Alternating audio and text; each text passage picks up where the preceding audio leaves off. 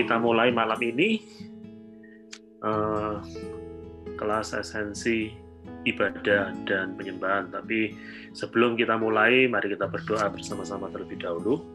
Bapa di dalam nama Tuhan Yesus, kami bersyukur buat malam ini, buat kebaikan-Mu sepanjang hari ini Tuhan, karena Engkau boleh mempertemukan kami semua, sehingga kami dapat memulai lanjutan daripada kelas esen, seri esensi ini.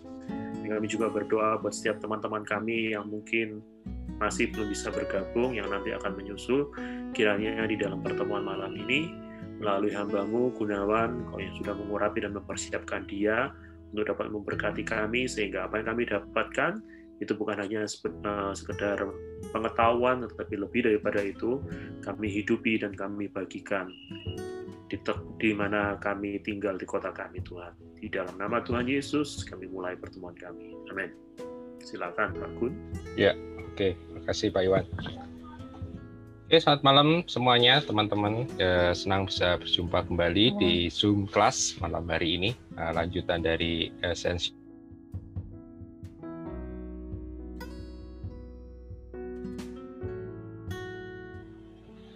kita akan masuk ke esensi yang kedua yaitu esensi ibadah dan penyembahan. Tapi di flyer saya hanya menyebut sebagai esensi ibadah, tapi pasti berkaitan antara ibadah dan penyembahan dan seperti biasa saya akan share screen terlebih dahulu supaya kita bisa mengikuti dengan lebih uh, baik ya dengan ada bantuan PowerPoint.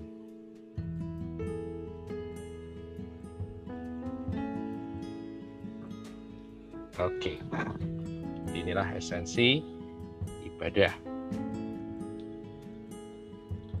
Saya akan mengawali malam hari ini dengan berbicara lebih dulu seperti yang saya katakan di minggu kemarin, Rabu kemarin, yaitu tentang riset dan perubahan. Ya, karena saya percaya bahwa pesan Tuhan bagi gereja mulai tahun 2020 dan beyond ke depan adalah riset. Dan kemarin saya sudah berbicara bahwa riset artinya adalah dikembalikan ke pengaturan awal atau dikembalikan kepada esens esensinya.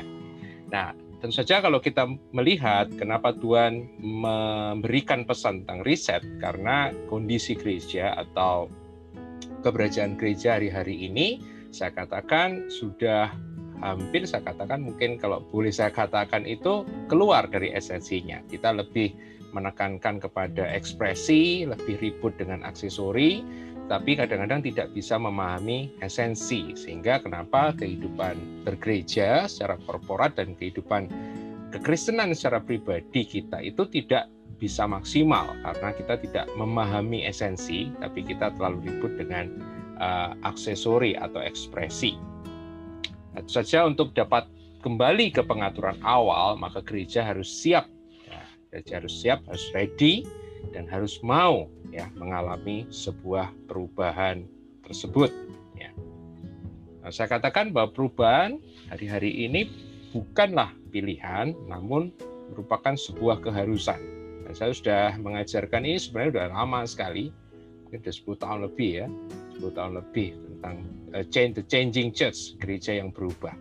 Tentu saja perubahan yang dimaksudnya ada perubahan kepada esensi, perubahan kembali kepada makna dasar. Dan ada satu ungkapan yang biasa kita dengar, ya change or die.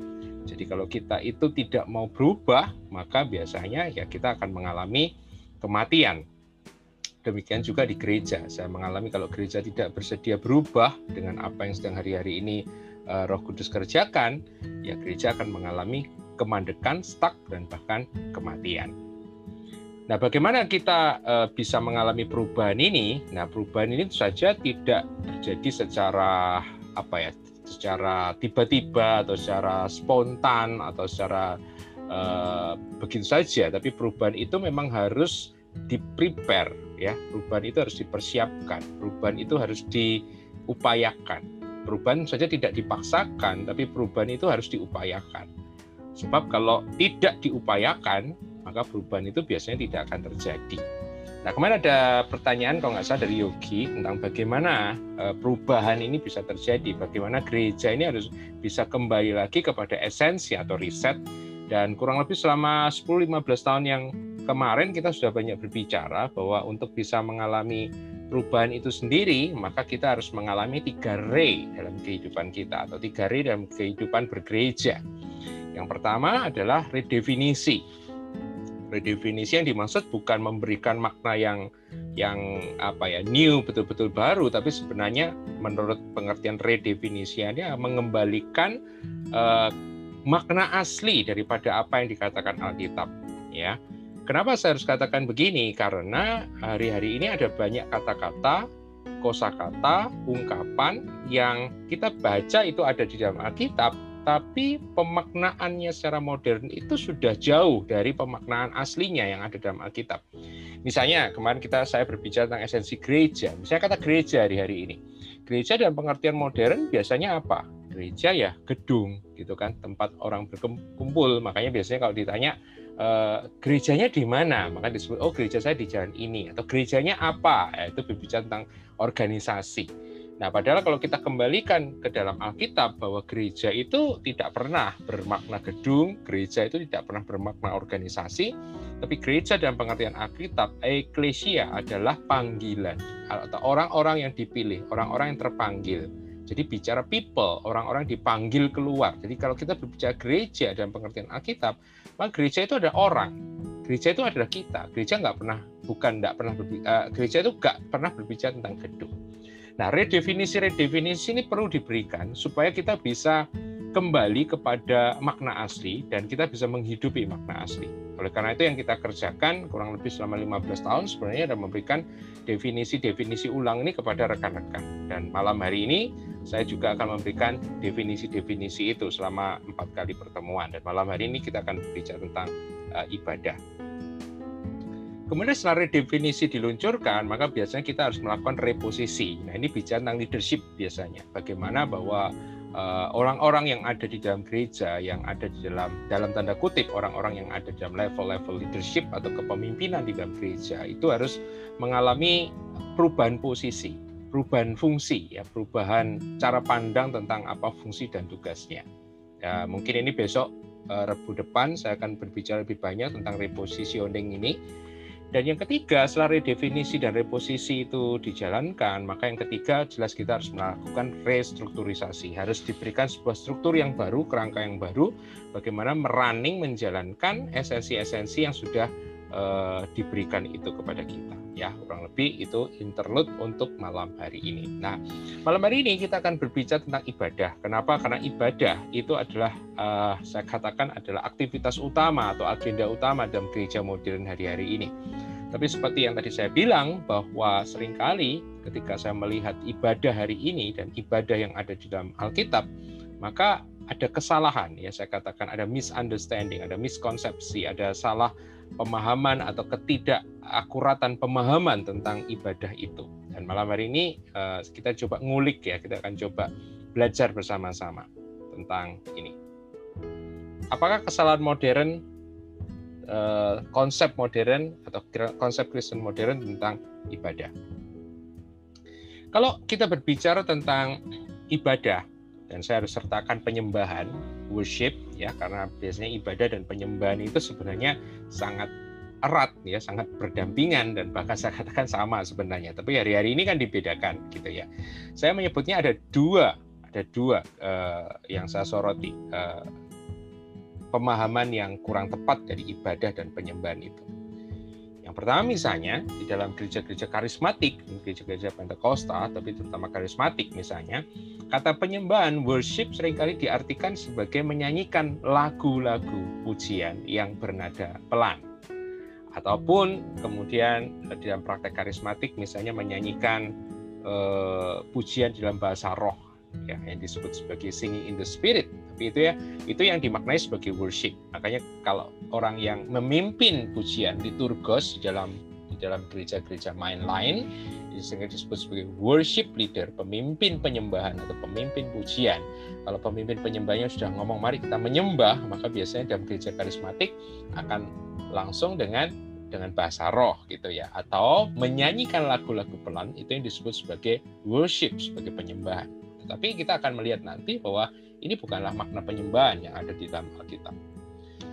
Yang kedua adalah ibadah. Bahwa ibadah dalam pengertian kekristenan modern sering kali diartikan sebagai pergi ke gedung gereja pada hari Minggu. Itu ibadah. Ya, di hari-hari lain juga disebut ibadah sih. Tapi biasanya ya nggak tahu ada semacam uh, pemahaman kalau kalau ibadah yang hari-hari lain tuh kayaknya nggak wajib gitu. Tapi kalau ibadah hari Minggu tuh wajib, sakral dan harus dan mungkin nilai amalnya dianggap lebih tinggi daripada yang lain gitu. Makanya kalau sering kali kita ditanya orang atau kita bertanya sama orang, udah ibadah, orang oh sudah. Saya biasanya akan langsung ditanya jam berapa? Kalau ibadahnya lebih dari satu ya program ibadahnya beda. Oh saya ibadah pagi. Oh saya ibadah sore. Ya, saya ibadah yang pagi jam berapa? Biasanya ditanya seperti itu. Ibadah di mana? Ya, jadi pengertian ibadah adalah pergi ke ke ke gedung gereja ya untuk melakukan program itu di di hari Minggu. Ini pengertian penyembahan dan ibadah secara modern.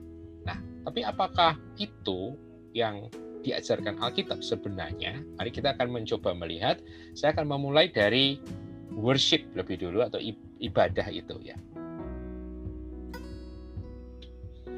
Nah, saya harus menyamakan uh, ibadah dan penyembahan karena sebenarnya ya saya tidak melihat ada perbedaan. Kalau dalam konteks kekristenan modern, ibadah dan penyembahan itu beda ya.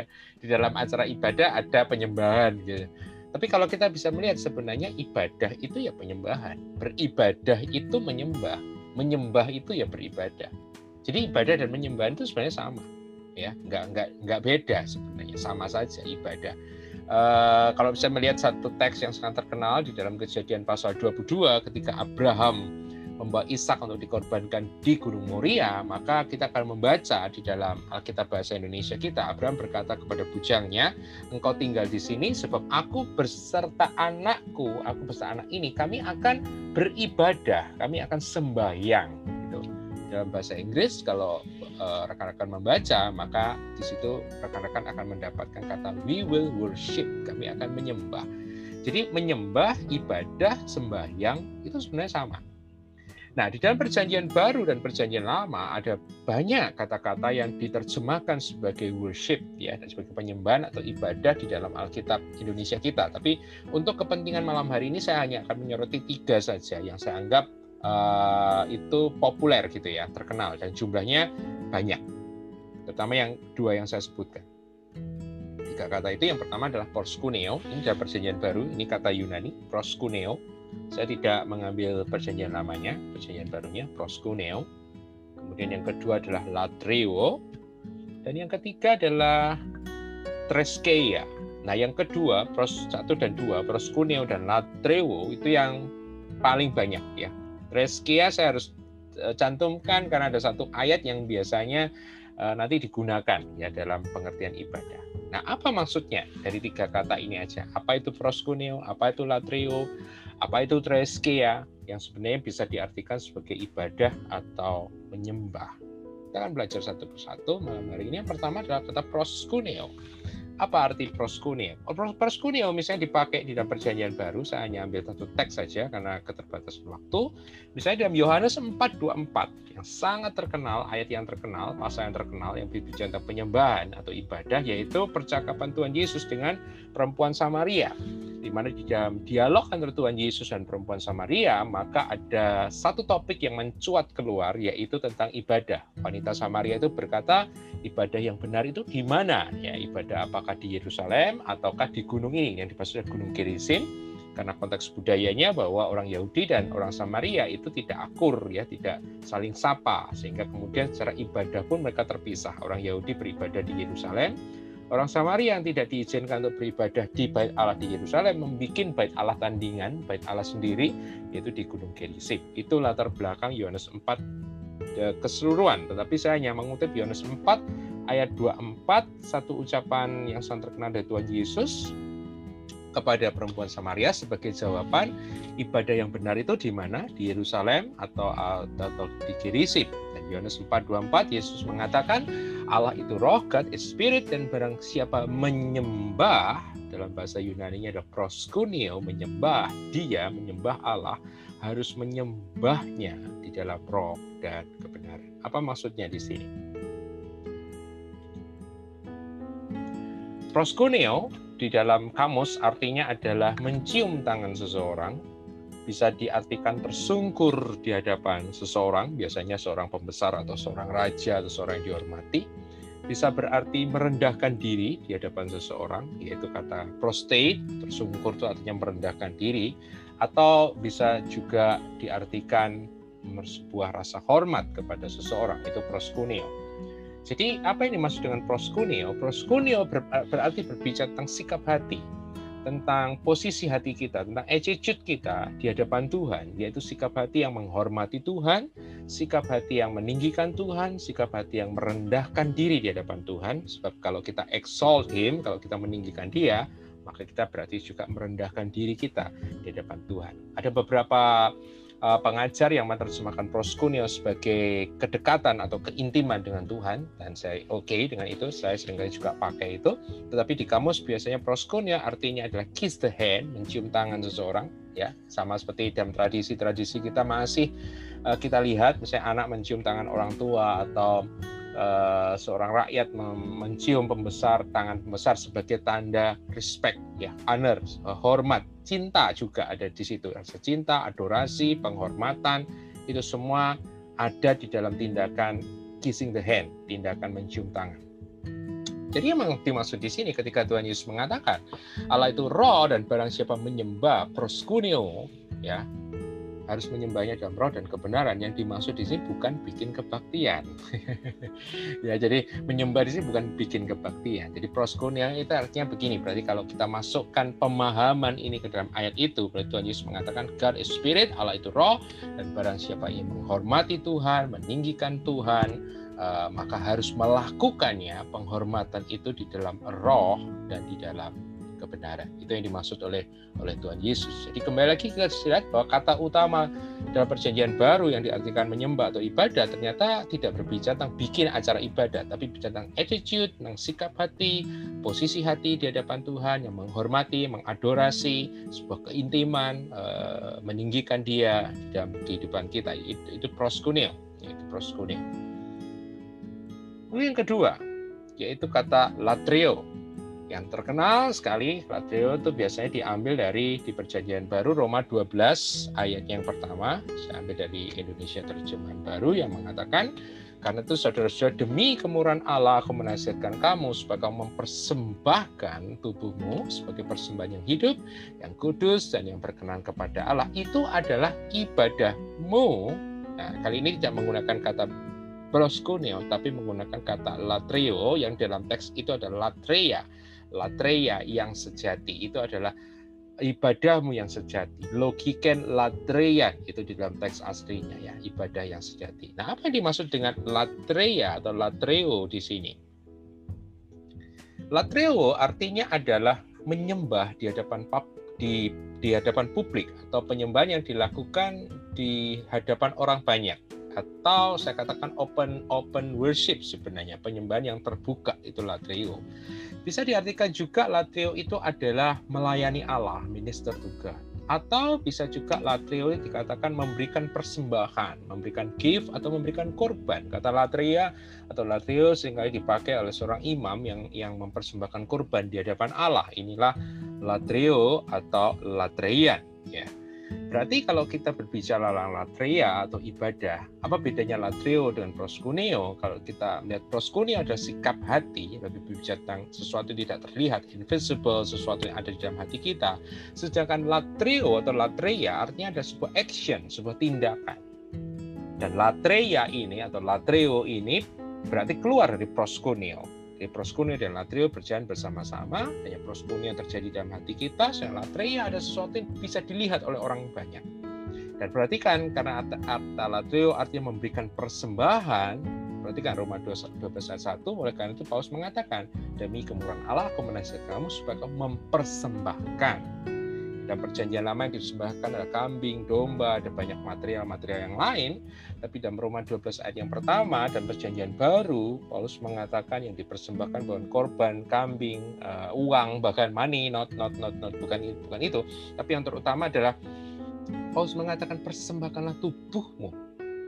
Ya, your body yang dimaksud bukan hanya tubuh saja secara fisik, tapi berbicara tentang soma, berarti uh, whole your life Jadi Paulus mengatakan demi kemurahan Allah aku menasihatkan, aku memerintahkan, aku mendorong kamu supaya kamu memberikan seluruh hidupmu, seluruh keberadaanmu sebagai persembahan yang hidup, yang kudus dan yang berkenan kepada Allah dan itu adalah ibadahmu yang sejati. Dan menarik dalam hmm, program New Spirit di sebuah gereja, beberapa waktu yang lalu saya memberikan ulasan tentang Roma 12 bahwa kata eh, kamu di situ adalah dalam bentuk jamak. Jadi Roma 12 ayat yang pertama harus dibaca persembahan tubuh ini dalam konteks bukan individual personal satu-satu tetapi latrio dalam Roma 12 ayat 1 itu dalam konteks komunitas bersama-sama. Dan yang menarik ketika dikatakan sebagai persembahan yang hidup, maka dalam bahasa Inggrisnya dengan jelas sekali dikatakan a living sacrifice. Jadi tubuhnya yang dipersembahkan banyak, tapi persembahannya adalah tunggal. Nah ini menunjukkan berarti uh, Tuhan memandang gereja itu sebagai satu kesatuan, sebagai one body. Yang di dalam one body itu ada banyak member, tapi one body dari itu adalah one body. Uh, sangat jarang ya kita uh, hari-hari ini bisa membayangkan bagaimana kita bisa memberikan satu persembahan, satu persembahan yang tunggal di hadapan Allah Seringkali karena kita dipengaruhi dengan konsep modern yang individual, personal, satu demi satu, ya. Kita bicara ini urusan saya dengan Tuhan, tapi hari-hari kita harus belajar bahwa bicara ibadah bukan hanya urusan antara saya dengan Tuhan, tapi antara saya, saudara-saudara seiman saya dan Tuhan. Oleh karena itu saya memberikan kesimpulan dalam perjanjian baru latre atau latreo itu ditunjukkan sebuah sikap penyembahan, sebuah sikap melayani Allah dengan melalui kehidupan korporat yang kudus. Jadi perhatikan ini, saat kita saat kita bersama-sama dengan rekan-rekan kita dalam komunitas, kita bersama-sama menjalani kehidupan yang kudus, menjalani kehidupan yang uh, mengekspresikan Kristus, kehidupan satu sama lain di mana lewat relasi satu sama lain kita menunjukkan tentang kasih dan tentang kesatuan, maka itu adalah sebuah penyembahan di depan Tuhan itu adalah sebuah sacrifice ya hadapan Tuhan. Wah ini luar biasa. Kalau mau didalami luar biasa. Tapi kita nggak bisa terus di sini ya. Kita harus lanjut yang ketiga. Itu apa? Yang ketiga adalah treskeia. Treskeia ini memang agak jarang, tapi kenapa saya harus cantumkan treskeia? Karena biasanya dalam Yakobus 1:27 dan terjemahan bis kita itu ada kata ibadah di situ yang dipakai. Yaitu apa? ayat 27 bahwa ibadah yang murni dan yang tak bercacat di hadapan Allah Bapa kita ialah mengunjungi yatim piatu dan janda-janda dalam kesusahan mereka dan menjaga supaya dirinya sendiri tidak dicemarkan oleh dunia. Di situ ada kata ibadah, tapi ternyata tidak diambil dari kata proskunio, tidak diambil dari kata latrio atau latrian, tapi diambil dari satu kata yang lain, yaitu treskeia. Apa yang dimaksud treskeia? Treskeia artinya adalah religion Treskeia artinya adalah agama. Treskeia artinya adalah melakukan upacara-upacara keagamaan atau ritual. Treskeia bisa berarti juga sebuah rasa gentar dan takut akan Tuhan. Ini menarik. Karena kalau dalam konsep agama-agama secara umum dan perjanjian lama, maka ritual, religion itu selalu diartikan dengan ritual itu ya pergi ke bait Allah, memberikan korban, memberikan ini, memberikan itu, sajian ini, sajian itu. Tapi di dalam perjanjian baru, Yakobus mengatakan kalau ada yang disebut sebagai ritual Kristen, ritual kita Kristen, ritual Kristen kita ternyata tidak pergi ke bait Allah, tidak pergi ke tempat yang kudus, tidak pergi ke tempat-tempat tertentu, tetapi di situ adalah ibadah, ritual kita, agama kita adalah mengunjungi ya orang-orang yang lemah, menolong orang-orang yang lemah itu treskeia. Jadi kalau kita melihat dari uh, tiga itu tiga kata itu saja yaitu proskunio, latrio, treskeia, maka kita mendapatkan bahwa kalau kita baca dalam Alkitab Perjanjian Baru bahwa ibadah dan penyembahan sama sekali tidak ada hubungannya dengan eh, apa itu saya sebut sebagai program ibadah. Tidak ada hubungannya dengan menyelenggarakan sebuah acara atau aktivitas di tempat yang kudus, tempat yang sakral. Nggak ada, saudara. Jadi menurut saya kalau setelah saya mendapatkan pemahaman ini salah kalau kita mengatakan e, kamu udah ibadah, udah kapan? Kemarin. Jam berapa? Jam 7. Dan itu bukan ibadah. Sebenarnya itu tidak boleh kita sebut ibadah karena Alkitab tidak pernah menyebut itu sebagai ibadah. Tuh, tapi bukankah di dalam Alkitab ada itu pertemuan-pertemuan semacam itu? Ya, tetapi pertemuan itu, acara-acara itu tidak disebut sebagai ibadah, tidak disebut sebagai uh, ritual, tidak disebut sebagai worship. Nah, lalu disebut sebagai apa? Nah, kita akan mendalami yang kedua yang sering kali di, oleh orang Kristen modern disebut sebagai ibadah, tapi sebenarnya bukan ibadah. Lalu apa istilah Alkitab untuk acara ibadah itu? Ada satu kata yang dipakai di dalam Alkitab, baik itu dalam bahasa Indonesia ataupun dalam bahasa Inggris, itu ada ya, yaitu kata nanti muncul di 1 Korintus 14 ayat yang ke-26 misalnya, yaitu Alkitab memakai kata perkumpulan. Uh, Alkitab Paulus bisa mengatakan kata bila kamu berkumpul satu sama lain, ya. Berkumpul dalam bahasa Inggris kata come together, atau beberapa orang menerjemahkan dengan menggunakan kata meeting. Jadi sebenarnya apa yang kita lakukan di hari Minggu itu bukan ibadah.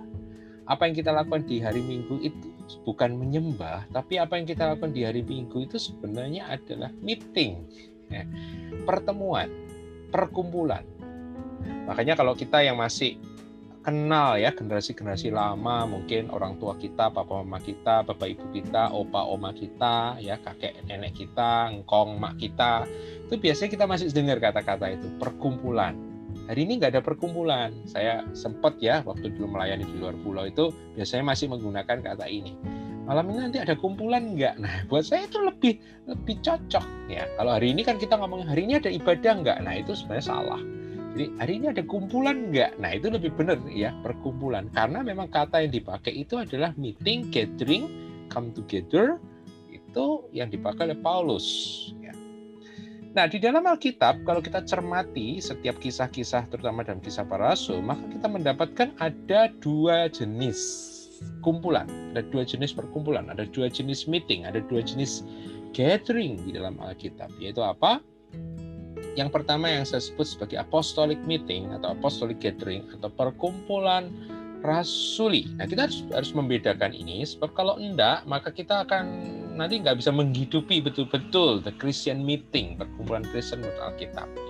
Jadi yang pertama saya sebut sebagai apostolic meeting atau perkumpulan rasuli. Yang kedua adalah perkumpulan jemaat atau perkumpulan gereja atau yang saya sebut sebagai church meeting. Nah, kalau diartikan di rapat gereja, rapat gereja, wah ini rapat uh, biasanya rapat gereja itu rapat majelis ya. Ternyata bukan gitu ya. Perkumpulan jemaat church meeting, church gathering ini nanti saya akan jelaskan apa maksudnya. Tapi yang pasti di sini yang harus tangkap ada dua jenis meeting. Apostolic meeting church meeting dan dua-duanya itu berbeda. Apa apa yang dimaksud dengan apostolic meeting? Apostolic meeting, misalnya kita bisa melihat kemarin saya kutipkan satu ayat, tidak saya kutip lagi di sini, yaitu dalam kisah Rasul pasalnya yang kedua, yaitu dikatakan daily, everyday, tiap-tiap hari mereka berkumpul di bait Allah dan di rumah-rumah. Nah, kemarin saya sudah jelaskan bahwa berkumpul di bait Allah bukan untuk melakukan kebaktian, bukan seperti itu, tapi sebenarnya mereka bukan beribadah bahkan bukan di dalam bait Allah itu sendiri, tapi mereka berkumpul di pelataran bait Allah yang fungsinya kurang lebih sebenarnya pada zaman itu sama seperti alun-alun di di tempat kita atau tempat hangout kurang lebih seperti itu. Jadi kenapa mereka memilih bait Allah? Karena bait Allah menyediakan sebuah space di mana cukup banyak orang-orang Kristen yang waktu itu bisa berkumpul bersama-sama. Nah, tidak disebutkan jumlah perkumpulannya sampai berapa orang. Tapi perkumpulan orang-orang Kristen di bait Allah itu yang saya sebut sebagai contoh apostolic meeting dan mereka berkumpul untuk apa? Mereka berkumpul untuk mendapatkan pengajaran didaki daripada rasul-rasul. Maka apostolic meeting kalau kita baca dalam Alkitab, tujuannya buat saya ada dua sepanjang saya membaca Alkitab. Ketika rasul-rasul mengadakan gathering, ketika rasul-rasul mengadakan meeting, ketika rasul-rasul mengumpulkan gereja untuk untuk uh, hadir bersama-sama, maka tujuannya biasanya ada dua. Yang satu adalah pengajaran untuk believers atau kadang-kadang rasul-rasul uh, tanpa sengaja dengan intervensi supranatural kemudian ada kumpulan orang-orang banyak dan biasanya ditujukan untuk evangelistic meeting untuk penginjilan di apostolic meeting tujuannya adalah untuk penginjilan untuk yang keluar ataupun pengajaran untuk orang-orang yang sudah menjadi Kristen yang ada di dalam. Yang perlu diperhatikan yang kedua, apostolic meeting itu tidak terus-menerus ada. Memang di dalam kisah Rasul kita bisa membaca daily tiap-tiap hari mereka berkumpul di bait Allah, berarti saya uh, mengisyaratkan atau saya membacanya apostolic meeting itu juga diadakan tiap hari. Tapi sesudah penganiayaan dan gereja terserak keluar, uh, rasul-rasul keluar dari Yerusalem, maka kita membaca dalam kisah Rasul bahwa apostolic meeting ini tidak uh, tidak diadakan daily, bahkan tidak diadakan weekly. Rasul-rasul itu mengadakan pertemuan itu secara apa ya? Secara ya momen momentum aja. Ya, jadi kalau ada rasul ada berkunjung di sebuah kota, maka mereka biasanya akan berkumpul bersama-sama, mungkin sama beberapa saat dan kemudian mereka menerima pengajaran setelah rasul-rasul setelah rasul-rasulnya pergi ya apostolic meeting ini nggak ada lagi bahkan yang sangat menarik buat saya ada beberapa gereja atau kota yang tidak pernah ditinggali atau disinggahi oleh rasul tapi mereka tetap eksis. Ini menarik buat saya. Di dalam apostolic meeting eh, saya membacanya kebanyakan bersifat satu arah karena bersifat untuk mengajar, untuk menanamkan doktrin, menanamkan konsep ya, maka sifatnya adalah satu arah. Yang bisa masuk satu arah adalah dari sang rasul yang kita sebut sebagai speaker berbicara kepada jemaat. Nah, apostolic meeting ini yang biasanya kita lihat setiap hari Minggu itu adalah apostolic meeting. Nah, padahal sebenarnya hari Minggu tuh harusnya formatnya bukan apostolic meeting tapi church meeting. Nah, ini juga salah, gitu kan? Tapi ya karena kecelakaan gereja, saya tidak bisa menjelaskan, saya nggak bisa menceritakan tentang sejarah gereja karena cukup panjang, karena sebenarnya perkumpulan gereja itu bukan seperti itu. Ya, kenapa kok jadi hari ini seperti apostolic meeting? Ya, itu ada sejarahnya.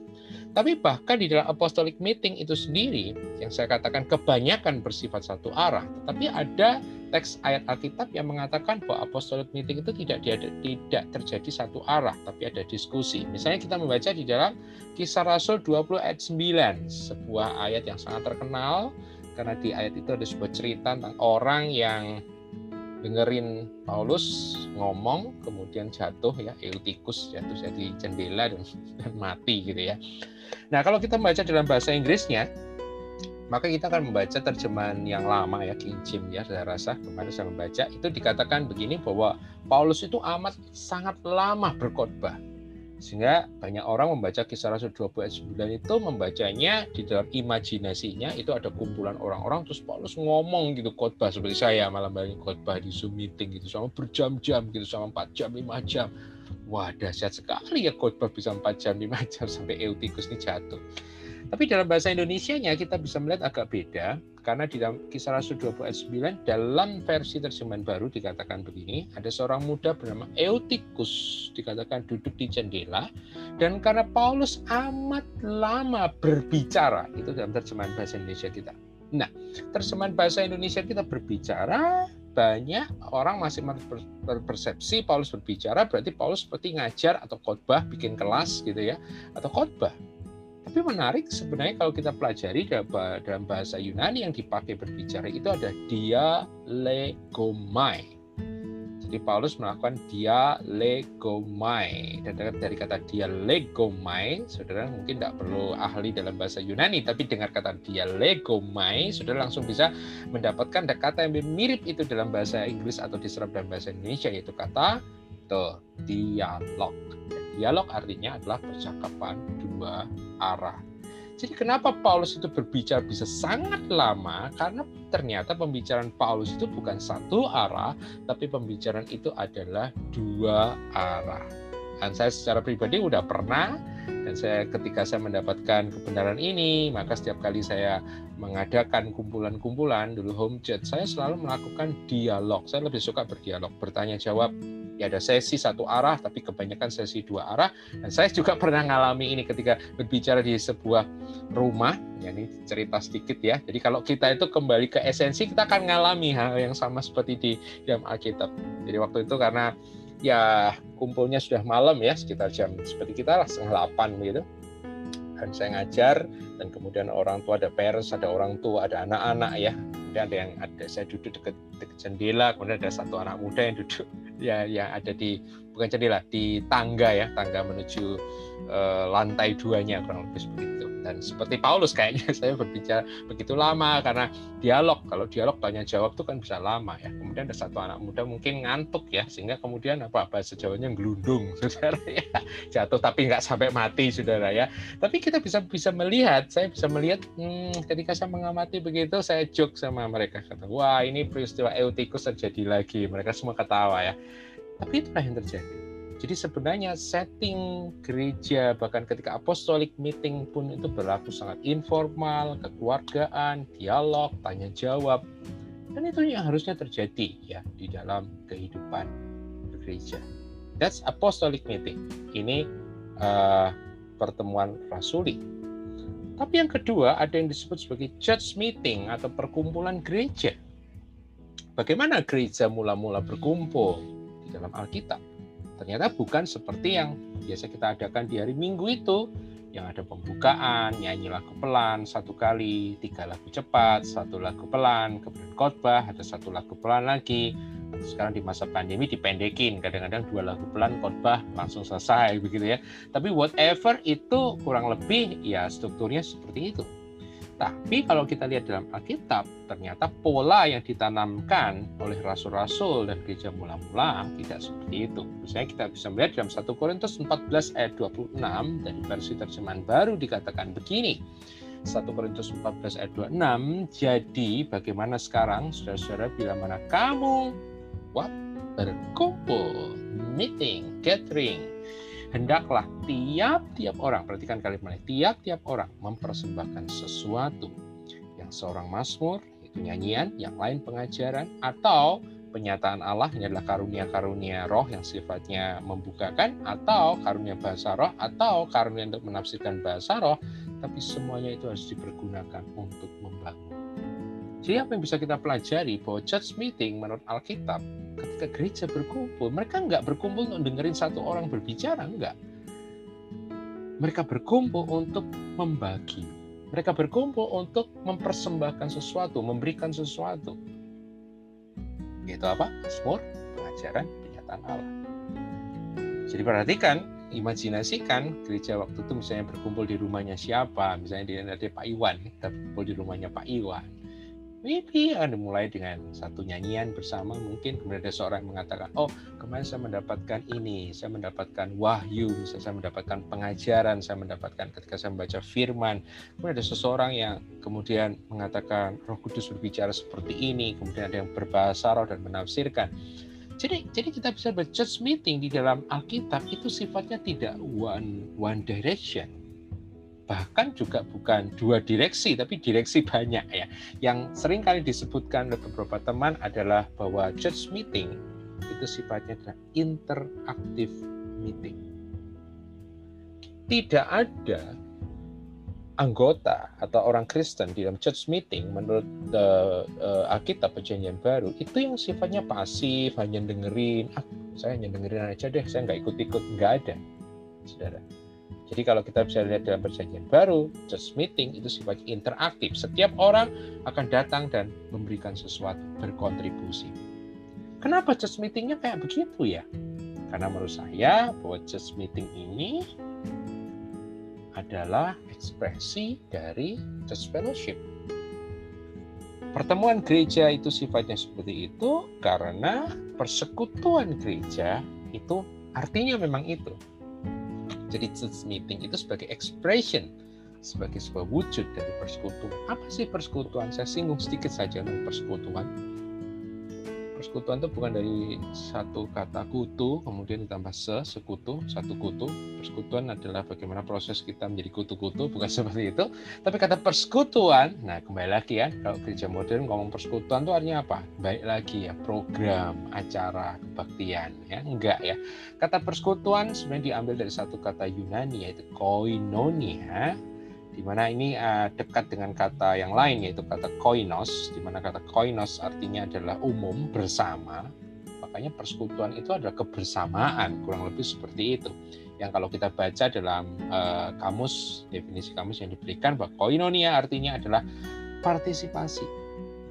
Apa itu partisipasi? Partisipasi artinya adalah apa?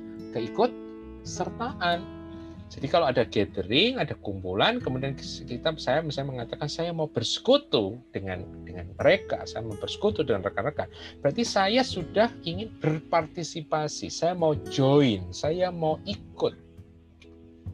Kemudian ada kata berikutnya itu distribusi, membagikan. Jadi sudah join, udah ikut, kemudian apa? Membagikan sesuatu. Makanya bahasa keren yang dipakai di persekutuan-persekutuan karismatik itu sampai sekarang adalah apa? Sharing.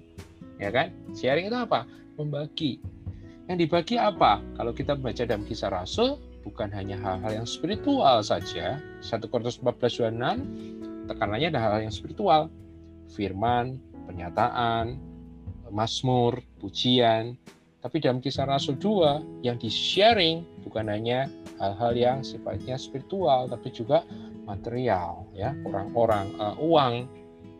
Makanya kita baca di kisah Rasul ada orang-orang yang menjual rumahnya membeladangnya kemudian uangnya diberikan di kaki Rasul untuk didistribusikan. Nah kata persekutuan juga bisa berarti komunikasi. Jadi perhatikan ini koinonia artinya ada partisipasi distribusi komunikasi. Nah kalau karena arti persekutuan itu sendiri seperti itu maka tidak heran maka pertemuannya ekspresinya juga seperti nah, sebagai kesimpulan saya akan memberikan tidak banyak hanya ada tiga saja. Yang pertama adalah berarti penekanan ibadah atau penyembahan dalam perjanjian baru bukan pada acara hari minggu bukannya pada hari Sunday saja pada hari minggu saja. Tapi penekanan ibadah atau penyembahan dalam perjanjian baru berbicara tentang sikap hati berbicara tentang hidup kudus di dalam komunitas korporat bersama-sama dengan orang-orang lain dan juga berbicara tentang compassion, belas kasihan kepada orang-orang yang lemah atau orang-orang yang harus dibantu. Ini ibadah. Berarti ibadah itu 24 jam sehari, 60 menit dalam satu jam, 60 detik dalam satu menit. Our life, seluruh hidup kita dan apa pun yang kita lakukan untuk Tuhan itu adalah ibadah. Yang kedua, pertemuan Kristen bicara church meeting tidak bertumpu, tidak berfokus, tidak bersandar kepada pribadi-pribadi tertentu, speaker-speaker tertentu, pendeta-pendeta hebat, tidak seperti itu. Itu perlu, ya itu disebut sebagai apostolic meeting. Tapi church meeting bukan seperti itu. Pertemuan Kristen tidak bertumpu pada satu orang, namun harus melibatkan keseluruhan jemaat. Makanya saya katakan hari-hari ini PR kita apa? Ya harus mencerdaskan jemaat. Setiap saya itu punya visi begini, Bapak Ibu silakan bahwa setiap jemaat itu harus cerdas, cerdas secara spiritual, cerdas bisa baca Alkitabnya sendiri, bisa uh, mengartikan ayat, bisa apa sudah ngerti, bisa dengar suara Tuhan, bisa melayani, bisa pokoknya seperti pendeta lah. Saya katakan sebenarnya bahwa visinya itu bahwa everybody, setiap murid Kristus, setiap orang Kristen itu ya harus menjadi seorang hamba Tuhan. Ya nggak nggak hanya pendeta aja yang disebut sebagai hamba Tuhan. Nah itulah church meeting. Dan ini memerlukan juga PR yang besar juga. Tugas yang cukup berat dari hari ini. Dan yang ketiga, saya hanya mengatakan bahwa pengajaran dan perjanjian baru pun sifatnya juga interaktif. Tadi Paulus melakukan dialegomai, ya, melakukan dialog, dan tekanannya bukan sekedar informatif, filosofis, tetapi hal yang sifatnya praktis karena Tuhan Yesus mengatakan ajarkanlah mereka melakukan. Jadi tujuan pengajian Kristen bukan membuat kita tambah pintar, bukan hanya tambah smart, tidak ada yang salah dengan kepintaran dan kesmartan itu, tapi fokus ke Kristen adalah bagaimana membentuk Kristus dalam hidup kita, membentuk karakter Kristus dalam hidup kita, bagaimana kita menjalani sebuah kehidupan yang memuliakan Kristus. Ya, saya rasa itu saja dari uh, saya. Saya kembalikan ke Iwan. Terima kasih. Thank you Kogun buat penjelasannya. Ya, tadi sudah dijelaskan oleh Kogun cukup lengkap tentang esensi ibadah atau penyembahan. Jadi ada dua poin utamanya ibadah atau penyembahan itu sendiri apa. Ada tiga katanya tadi, saya mengulang sedikit. Moskuneo, Latrio, dan Treskeia. Lalu yang kedua tentang perkumpulan, meetingnya. Ada dua, apostolic meeting dan church meeting, perkumpulan rasuli dan perkumpulan jemaat. Tadi juga apostolic meeting itu seperti apa, church meeting itu seperti apa. Nah, oke, okay, silakan teman-teman bisa bertanya langsung. Kalau mau bertanya uh, bisa raise hand, nanti saya unmute. Kalau lewat tulisan kan daripada kesel ngetik, nanti Ogun kadang saya juga membacanya juga kurang jelas, enak langsung tanya aja. silakan jadi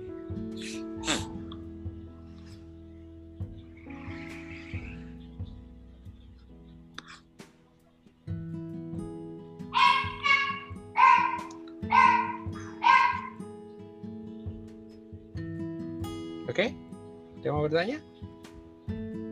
Jangan malu, nanti sesat di jalan.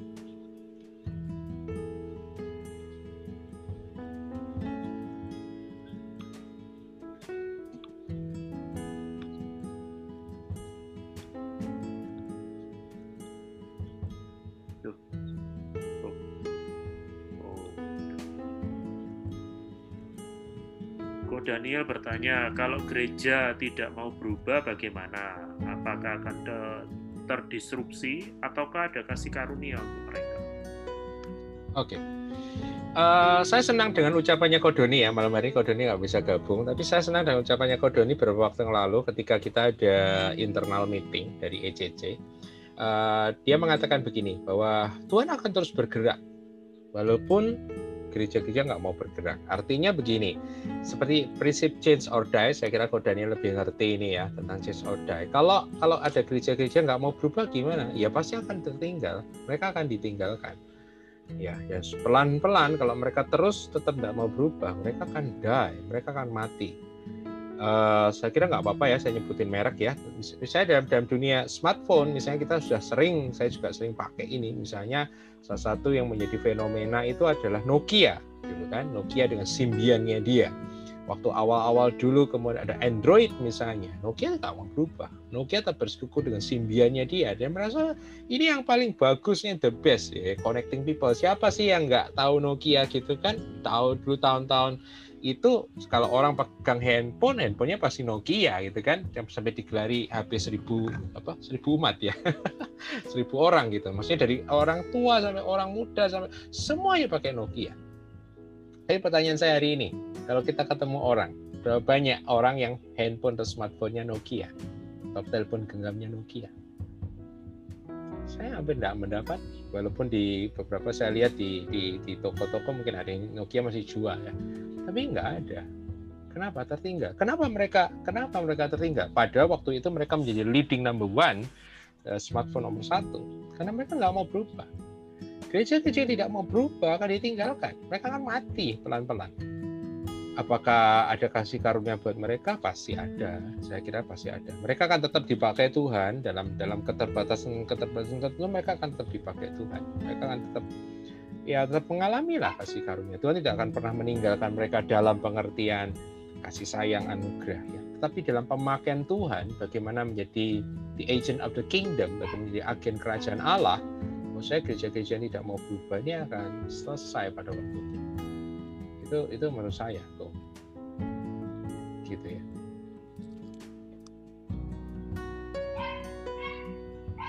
Nah ini bertanya, berarti kurang lebih formatnya ini masuk ke church meeting ya Len ya. Jadi kurang lebih formatnya seperti komsel di mana setiap orang bisa berkontribusi dalam hal ya pengalaman daily life-nya yang dialami dan bisa belajar firman bersama. Gitu ya. Ya. Ya, setuju. Bahwa Komsel itulah, eh, tapi kembali lagi ya, Komsel hari ini pun saya masih merasa itu masih belum belum seperti yang dikatakan di dalam Firman. Walaupun ya mungkin komselnya saya nggak tahu ya karena konsep konsel dan ekspresi komsel cara kerja komsel tiap-tiap gereja itu nggak sama ya. Saya saya juga mempelajari gerakan komunitas sel itu kan banyak sekali patternnya. Tapi kebanyakan kebanyakan mostly komsel-komsel yang terjadi itu masih masih sangat control ya masih dalam pengertian itu masih ya masih bersumber kepada kepada paper misalnya kepada kepada kepada ya nggak ada pembicara sih cuma papernya itu yang sebagai pengganti pembicaranya gitu semacam itu. Tapi kalau menurut saya visi saya bahwa church meeting itu harus lebih lebih bebas daripada itu lebih merdeka daripada itu. Makanya kalau kita belajar uh, ada satu buku tapi sekarang mungkin sudah nggak nggak keluar lagi. Buku pertama dulu ketika uh, kita belajar tentang gereja sel itu buku yang cukup tebal yang cukup besar karangan dari Dr. Ralph Neighbor ya seorang penggagas gereja sel dia mengatakan bahwa salah satu gereja sel, komunitas sel itu bukan komunitas kutu Alkitab, kutu buku. Maksudnya ya bukan itu. Saya masih melihat bahwa banyak komsel-komsel itu seperti ibadah hari Minggu yang dipersempit gitu. Ibadah hari Minggu yang dipindahkan dari gedung ke rumah, yang dipindahkan dari duduk ke atas ke duduk ke bawah, diperkecil yang kalau ibadahnya bisa 100 200 di Komsel hanya 10 15 tapi secara formatnya masih nggak ada beda. Nyanyi lagu pelan ada lagu cepat kemudian ada khotbah ya walaupun ada QA tapi kebanyakan mungkin seperti Zoom meeting malam hari ini ya kan ini ke, ke, ke, ke, ke kita itu kelamaan ya pasif kelamaan apa itu diem. Kalau kita tuh ke, ke sudah berabad-abad diajarin kalau kalau kalau kalau ibadah bahkan di zoom aja itu harus denger ya denger denger denger. Nggak boleh bahkan nggak boleh ngomong ya itu yang terjadi. Jadi menurut saya ya oke. Okay, kalau kalau mungkin kalau misalnya tempatnya Leni boleh discuss boleh boleh boleh boleh saling apa ya mungkin TikTok gitu ya bahasa saya itu saya bisa seperti kita malam hari saya dengan Pak Iwan, Ko Iwan misalnya kayak begitu ya kurang lebih memang seperti itu hanya lebih flowing, lebih mengalir, lebih spontan dan lebih memberikan space buat Roh Kudus. Hari ini di Komsel saya nggak pernah membaca itu atau saya nggak pernah menyaksikan ya di Komsel tiba-tiba dia berbuat gitu. Biasanya nggak boleh sudah jangan jangan jangan jangan, jangan berbuat gitu kan karena uh, ada ekses-ekses negatifnya. Jadi, jadi secara supranatural saya nggak melihat banyak. Komsel itu seperti kelompok diskusi gitu, kelompok diskusi Alkitab. Ya, kurang lebih gambarnya seperti itu, tapi buat saya lebih luas lagi, lebih lebih apa ya, lebih flowing lagi, lebih fluid lagi, lebih ngeroh lagi. Ya, kalau itu ditambahkan, ya seperti itu kurang lebih gambarannya. Gitu. Ini mungkin uh, yang sering kali jadi pengalaman dari Budian. Untuk bentuk gereja yang interaktif di mana semua orang berperan aktif kok akan lebih repot ya. Karena banyak orang yang suka sekali ngomong sampai nggak tahu nggak tahu waktu. Padahal intinya cuma satu tapi bulat ke sana kemari. Contohnya kalau dikasih waktu buat kesaksian bisa berjam-jam sehingga judge meeting itu bakalan time time loss ya setuju bahwa uh, menghidupi uh, esensi gereja itu nggak lebih simpel. Saya nggak mengatakan lebih simpel. Bahkan dari pengalaman saya, saya akhirnya menyimpulkan begini: kalau Anda ingin menghidupi kehidupan gereja dalam Perjanjian Baru, maka Anda harus mengalami kuasa kebangkitan Yesus Kristus dan Roh Kudus dalam Perjanjian Baru. Tanpa itu mustahil. Nah, jadi dari pengalaman saya hidup di dalam menghidupi esensi gereja ini, saya mendapatkan akhirnya ketika saya harus membentuk uh, church meeting ala ala ala Alkitab, maka semua standar, semua tuntutan yang dalam Alkitab itu akan diberlakukan kembali. Ya, misalnya orang setiap orang harus spiritual, setiap orang harus intim dengan Tuhan, setiap orang harus berhikmat, setiap orang harus begini, semuanya akan akan kembali lagi. Nah, oleh karena itu saya mengatakan, lo kan lebih repot. Lah iya, memang hidup tuh memang repot. Ya kalau nggak mau repot ya mati aja kan, gitu kan. Mas saya gini, bahkan sebagai ibu Dian saya percaya sebagai eh, mama yang baik, sebagai orang tua. Jadi orang tua repot nggak? Repot. Kadang-kadang ada hal-hal yang kita nggak bisa shortcut kan? Ada hal yang kita bisa shortcut kepada anak. Tapi apakah itu menjadikan anak lebih baik? Tidak. Orang tua yang baik akan lebih suka repot, tapi yang penting anaknya bertumbuh. Lebih gimana? Uh, tadi dikatakan kalau ada satu orang, oh ya saya juga ngalami, eh, pasti itu ada satu dua di komunitas itu seperti itu. Makanya kembali lagi ke dalam Alkitab, mungkin uh, eh, mungkin besok ya ketika saya bicara tentang leadership, salah satu kriteria penatua itu adalah salah satunya kalau kita membaca dalam pemahaman bahasa Yunani itu bisa ini bisa ngeliding orang-orang yang semacam ini. Bisa apa ya? Maksud saya bisa bukan controlling sebenarnya tapi bagaimana bisa mengarahkan orang-orang yang talkative ini supaya ya pada langsung pada topiknya atau misalnya kalau sudah keluar dari topik dikembalikan ke topiknya itu adalah karakter-karakter penatua, itulah karakter-karakter leader di dalam gereja perjanjian baru itu seperti itu. Jadi apakah lebih beresiko? Oh ya, pasti lebih beresiko. Tapi juga menjanjikan kehidupan yang lebih lagi. Membuat setiap orang menjadi pasif dan tidak berbicara mungkin lebih aman secara secara apa ya, secara format. Tapi akibatnya apa? akan mematikan kehidupan orang banyak orang-orang percaya. Contohnya hari ini aja. Makanya kalau kita bilang ada yang mau sharing, ada yang mau berbagi, semuanya diam. Kenapa? Ya sudah berabad-abad dibiasakan diam mau disuruh bicara gimana? Nggak bisa. Dan itu juga memerlukan sebuah transisi bagaimana membuat seseorang yang sudah didiamkan lama itu kemudian bisa berbicara di just meeting.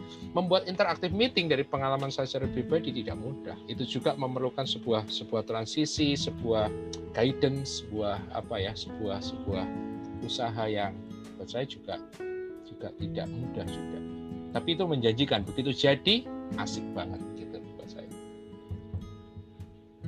Nah akhirnya kan dikomentari sama Go, Go Daniel ya, mungkin termasuk gimana supaya nggak seperti itu.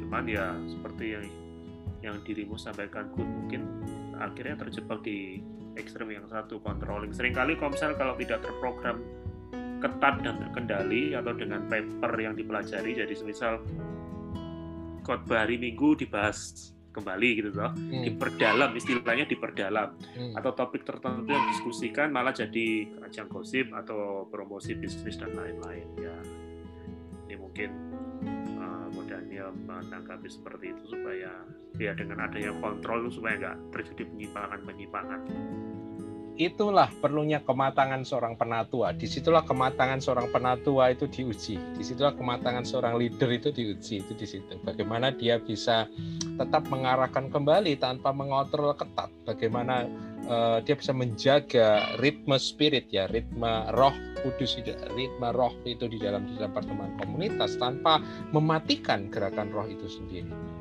Uh, oleh karena itu seorang penantu jemaat harus menjadi seorang yang matang, mature, dewasa, uh, memiliki buah roh dalam kehidupannya, terkoneksi dengan Roh Kudus. It's a challenge. Buat saya itu itu itu itu tantangan dari seorang pemimpin di dalam di dalam paradigma uh, perjanjian baru.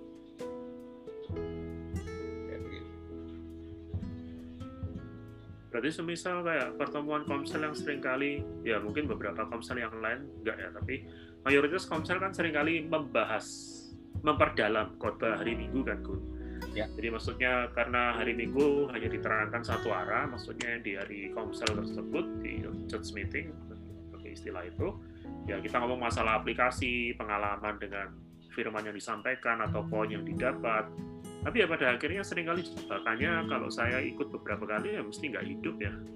Dan ya. entah kesaksian itu sungguhan atau enggak atau dibuat-buat atau bahkan seperti Budian tadi bilang malah dari poin tersebut ngalur ngidul nggak karu-karuan ngomongnya seperti itu.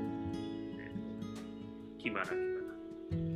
Ya ya karena ya kembali lagi karena karena itu ya uh, semuanya by fear semuanya karena ketakutan ketakutan oleh karena itu menurut saya satu ya yang seperti kemarin saya bilang let my people go. Biarkan umat Tuhan itu pergi lah biarkan umat Tuhan itu berekspresi. Biar umat Tuhan itu apa ya uh, mengalami sesuatu dan belajar membagikan sesuatu.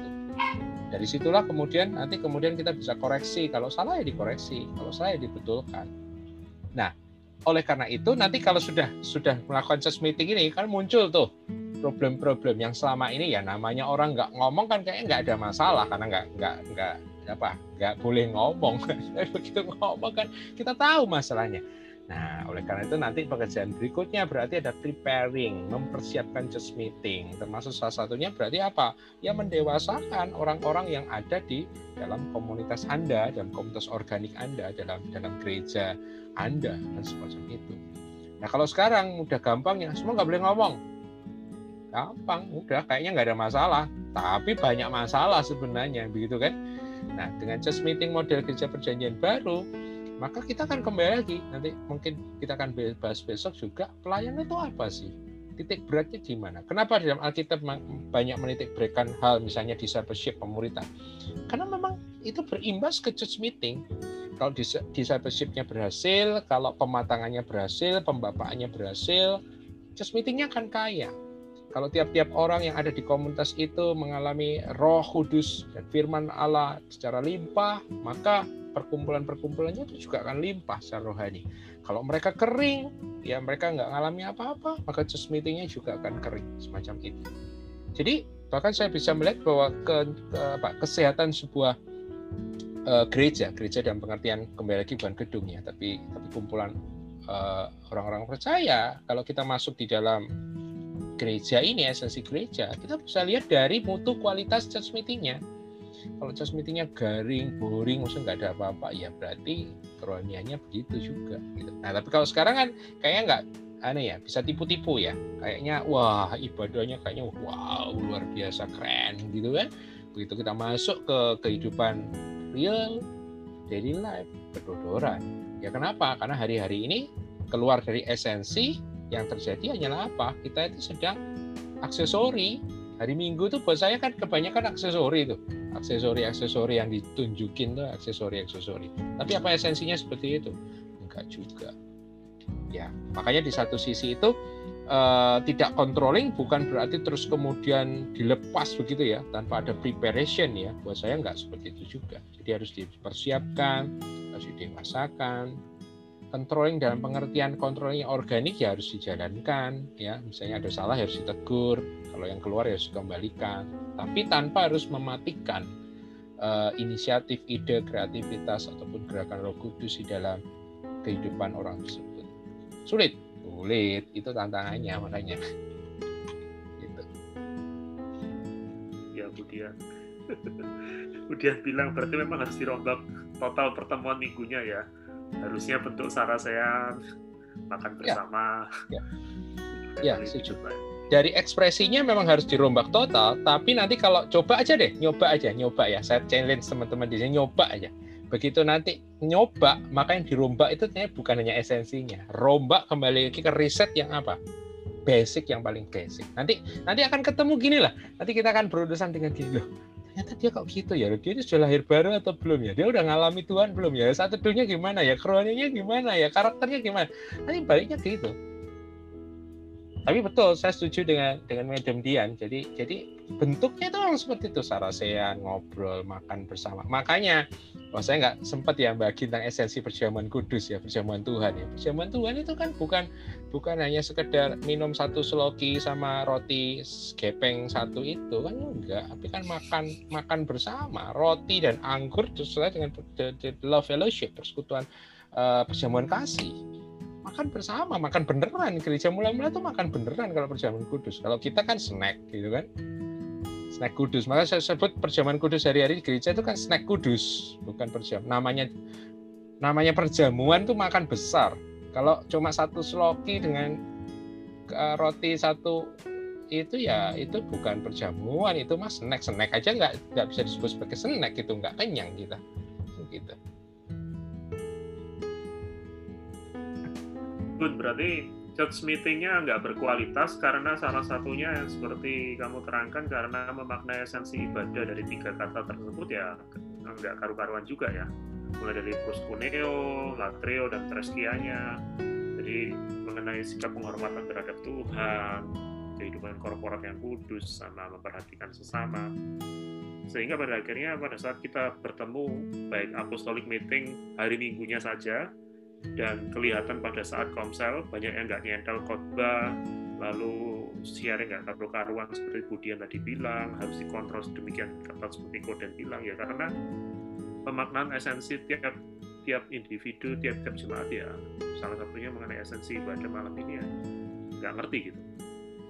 Ya makanya kenapa kenapa kenapa bertahun mungkin 15 tahun ya udah udah 15 tahun uh, mungkin lebih ya 15 tahun 20 tahun ya 15 15 tahun 20 tahun. Lah kenapa kita kita ngajarin ini tuh kenapa? Karena ini bukan hanya sekedar permainan apa ya permainan teologi dan logika iseng-iseng mainannya Kogun dan teman-teman gitu supaya ada ajang untuk khotbah. Enggak sih. Kalau saya bisa melihat misalnya kalau tadi pemahamannya worship pemahaman ibadahnya itu salah maka yang kita ciptakan apa buat saya ya kerohanian yang hebat hanya di hari Minggu ya kan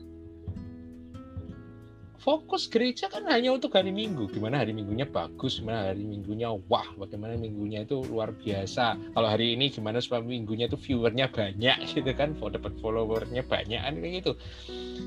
Tapi apa akibatnya? Di luar hari Minggu kacau. Ya kan? Bagaimana kita bisa mengajar orang menghormati Tuhan hanya dua jam, misalnya? Bagaimana kita uh, membuat seseorang bisa compassion dengan sesama kalau hanya tekanannya pada hari Minggu? Bagaimana? Nggak bisa. Nggak bisa.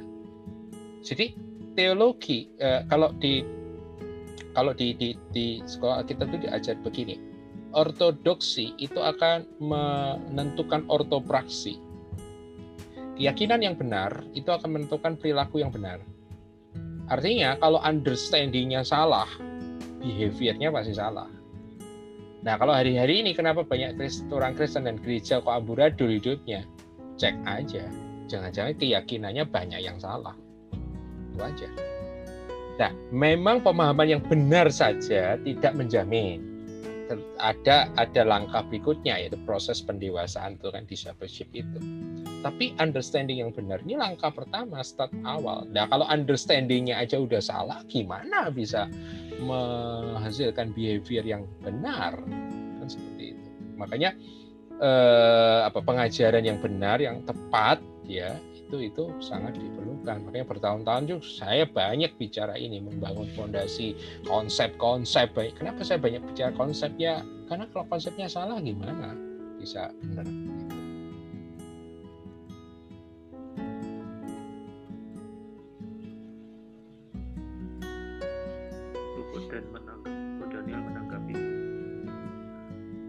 baca pak.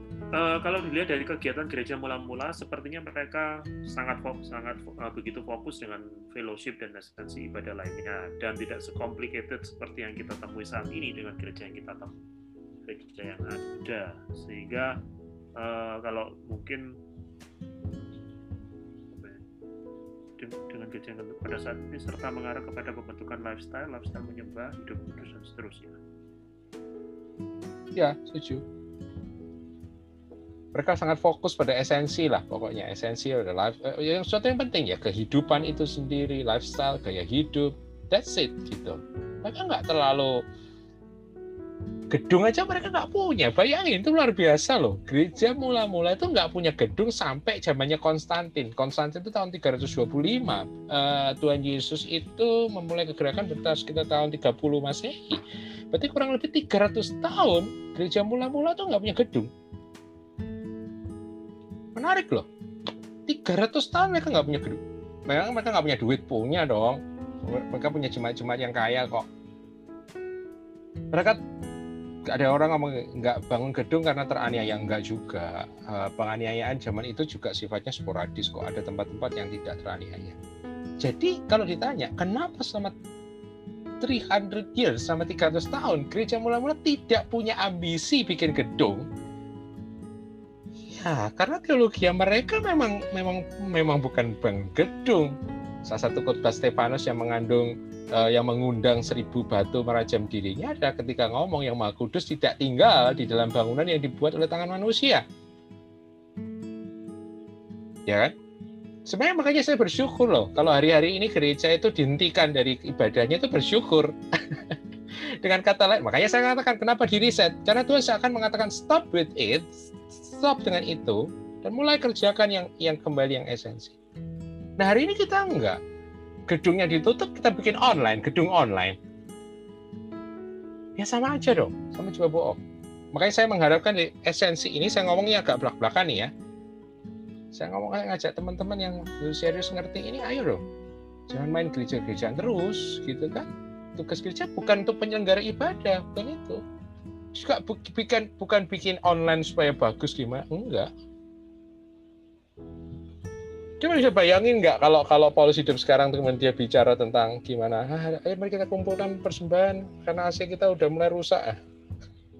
Lucu gitu ya kalau kalau misalnya kita membayang gitu. Come on, let let's we think about it. Mari kita berpikir tentang itu.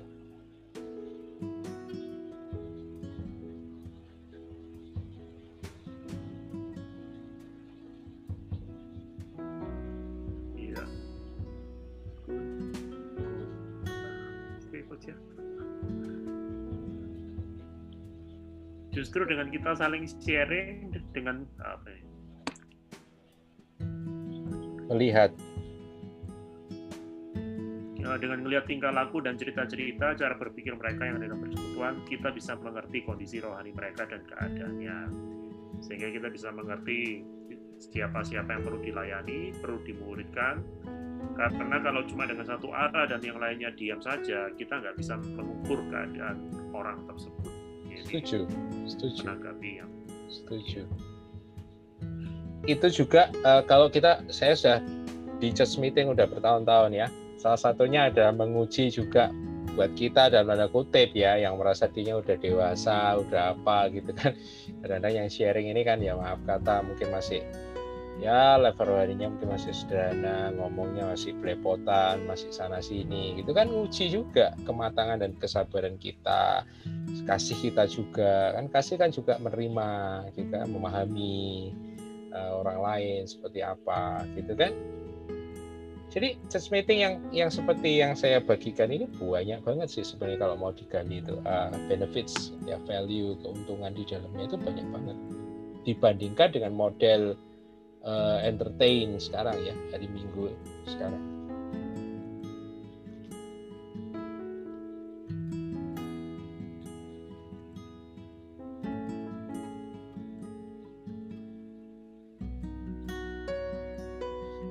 Oke. Okay.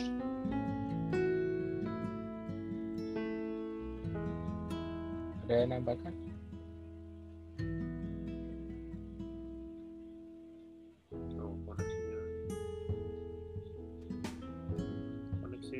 Koneksimu buruk pun harus diulang suaranya hilang lagi. Uh, nggak penting kok yang saya omongkan. Nggak perlu diulang. Ya masih uh, uh, perkumpulan perkumpulan model perkumpulan kita itu juga akan menguji kematangan kita kasih kita.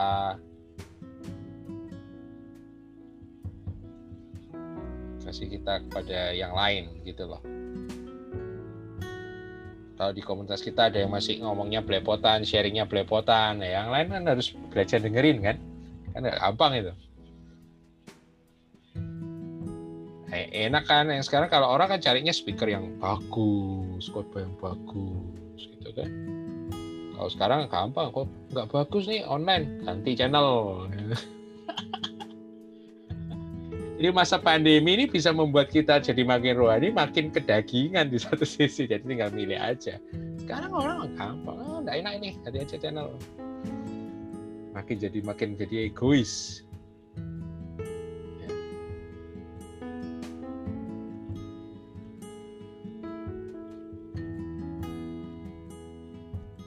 ya. Ada lagi, silakan. Ivan atau Master Ferry atau yang belum siapa? Mungkin ada yang uh, sudah oh ini, sudah bagaimana mencoba. caranya mengajak teman-teman seiman untuk bersama-sama mencoba menghidupi ini? Ajak ikut esensial kelas, Pak.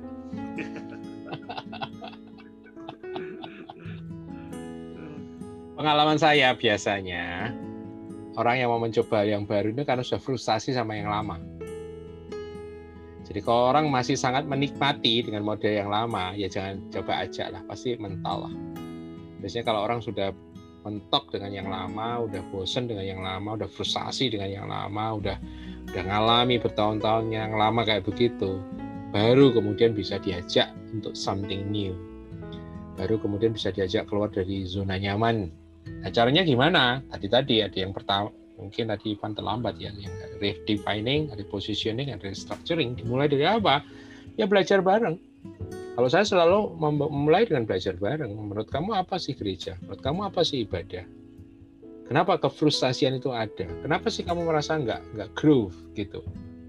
Kita kan di satu titik kalau kita ada di institusi yang lama, satu titik pasti akan mentok, akan berhenti. Kita merasa masa cuma gini-gini aja ya? Nah itu saatnya berarti untuk untuk menjalani sesuatu yang baru. Itu saatnya untuk di reset. Ya baik lagi dengan ilustrasi reset ya. Kapan sih HP itu di reset? Kapan Pak Iwan HP perlu di reset? Saat hang. Nah, kalau hang toh, kalau ndak hang, nggak kamu riset toh. Hmm. Nah, makanya nunggu hang dulu. Kalau hang baru di reset. Nah, sebenarnya saat hang sama saat lemot. Nah, itu. Jadi kalau orangnya masih merasa nggak lemot, masih merasa nggak hang, ya kamu riset ya mereka nggak mau. Ngapain? Nggak apa-apa kok, saya enjoy kok dengan ini ya. Oh ya, ya wes. Ya. Nah, sebenarnya masa pandemi ini dari 2020 waktu COVID terjadi itu saya nangkepnya, lah ini udah hang ini, udah. Wah, ternyata enggak ya. Gereja ini cukup kreatif juga ini untuk menyiasati. Tapi hari ini saya nggak tahu ya kondisi kondisi jemaat secara keseluruhan ya. Saya nggak tahu apa yang mereka alami. Tapi kemungkinan mungkin juga banyak yang udah bosen, udah boring gitu. Di satu sisi juga. Ya ini waktunya. Kembali lagi makanya temanya adalah riset. Riset. Kembali kepada pengaturan awal, desain awal.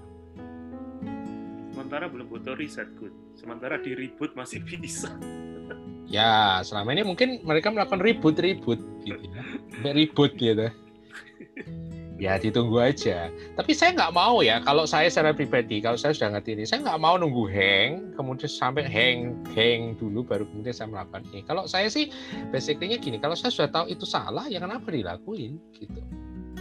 Nah, saya sudah 15 tahun berusaha mengajak banyak rekan untuk untuk kembali ke sini ya banyak sih alasan-alasan untuk penolakan dari zona nyaman. Tadi sudah merasa ini udah enak kok. Ada ada yang terlalu melanggut is too high risk, ini terlalu beresiko misalnya. Kalau modelnya orangnya nggak mau beresiko, merasa dengan yang lama lebih enak lah, dikontrolnya lebih mudah misalnya.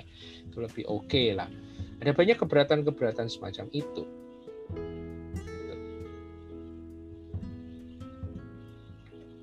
Itu ya Pan. Evan?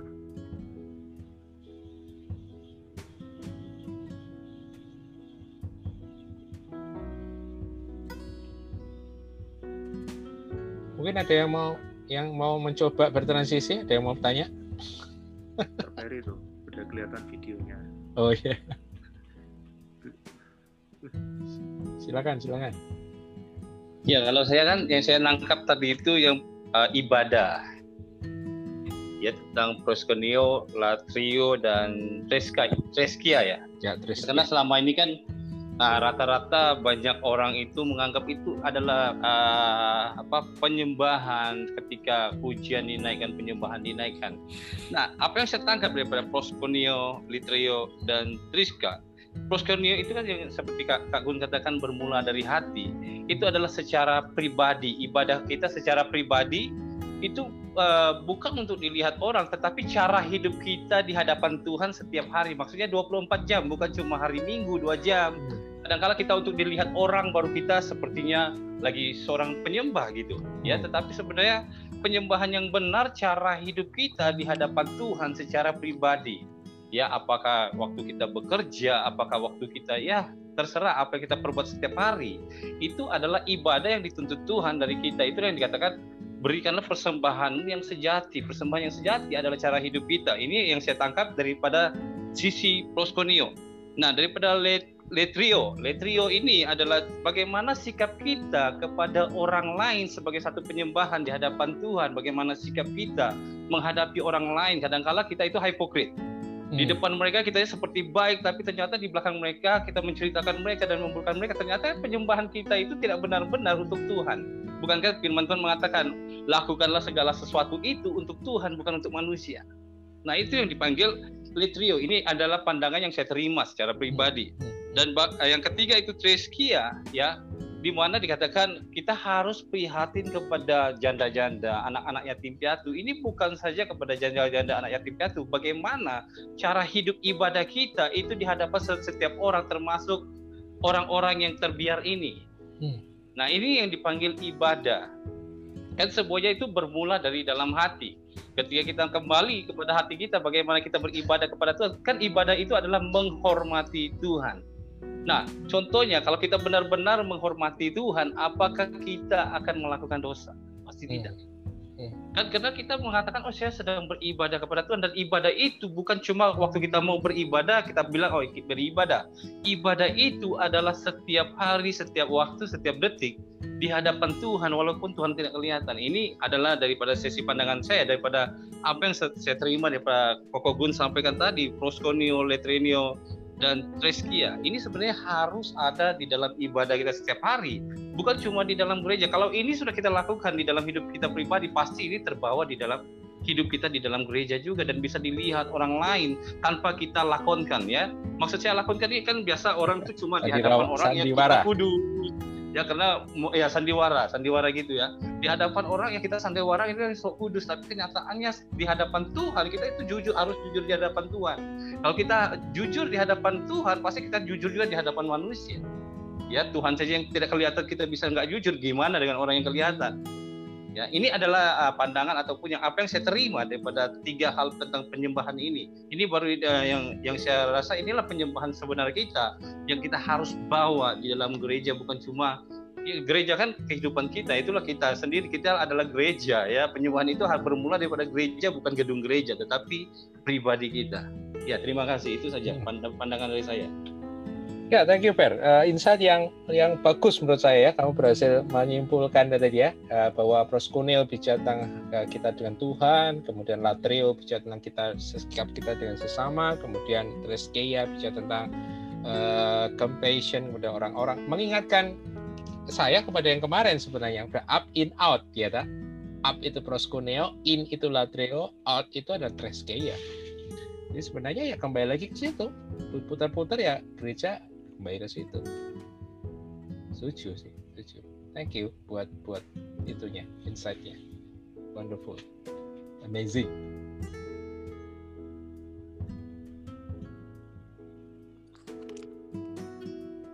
Gimana? Oh ini Budian. Treskia ini apa mengarah lebih ke sosial gospel kok? Enggak dong pengertian sosial gospel itu kan beda ya. Jadi jangan jangan gini ya, jangan ngomongnya gini lah. Setiap tindakan sosial diwarnai sosial gospel. Wah celaka kalau begitu ya. Social gospel itu kan sebuah movement yang ada di Amerika itu uh, dengan tekanan-tekanan, ada pengajaran-pengajaran tertentu ya. Terus kayak ini bukan bukan social gospel.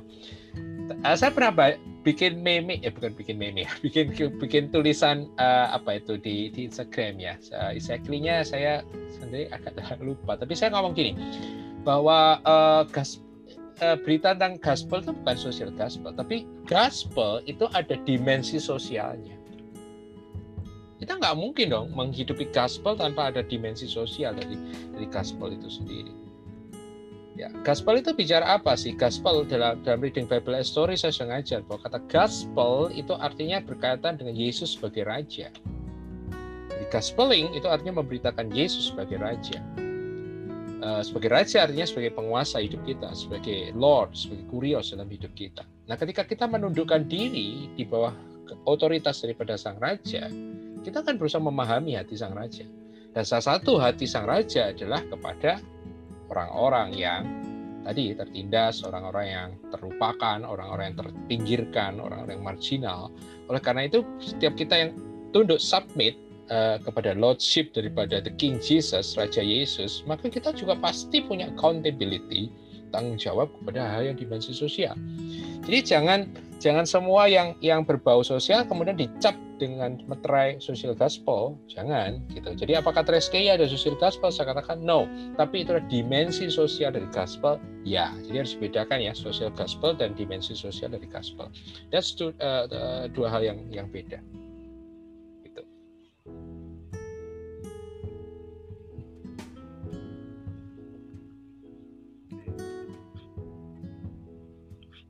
Lagi teman-teman.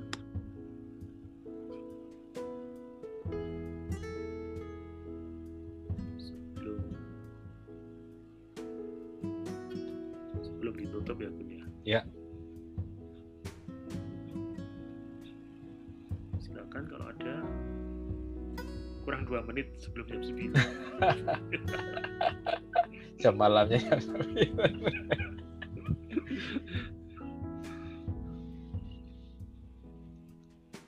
Kalau ada pertanyaan boleh ya nanti di di share. Kalau misalnya hari ini eh, tiba-tiba seminggu ini ada pertanyaan perenungan, next week uh, Rebo kita masih ada dua kali pertemuan bisa ditanyakan. Yang kemarin juga sesi gereja saya ada pertanyaan boleh ditanyakan gitu ya.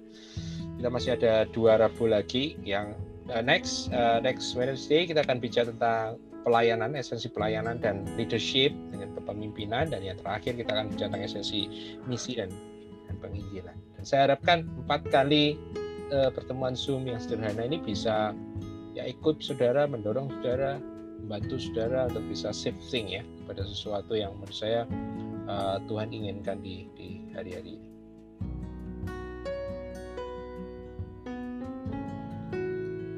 Oke, memang kalau dirasa sudah nggak ada atau uh, sementara masih diolah tadi yang diterangkan sama oh ada Budian ada rekamannya rekamannya mungkin podcast ya Ya, untuk sementara saya akan hanya audionya saja ya. Yang kemarin nanti saya kasih Dian di WA yang kemarin itu. Saya lupa sharing ke kamu. Saya sudah di saya sudah post di Facebook sih kalau kalau mau uh, bisa masuk ke Facebook saya tapi nanti saya kasih linknya. yang Spotify Jadi audio. Ministry. Jadi audio saja, maksud saya karena supaya lebih ringan dan kalau misalnya ibu-ibu sambil masak tahu tempe, bikin apa sambil dengerin podcast lagi kan masih bisa. Kalau YouTube kan harus dengerin kuotanya nanti juga besar gitu kan. Kalau kalau audio kan lebih bisa di save juga. Monggo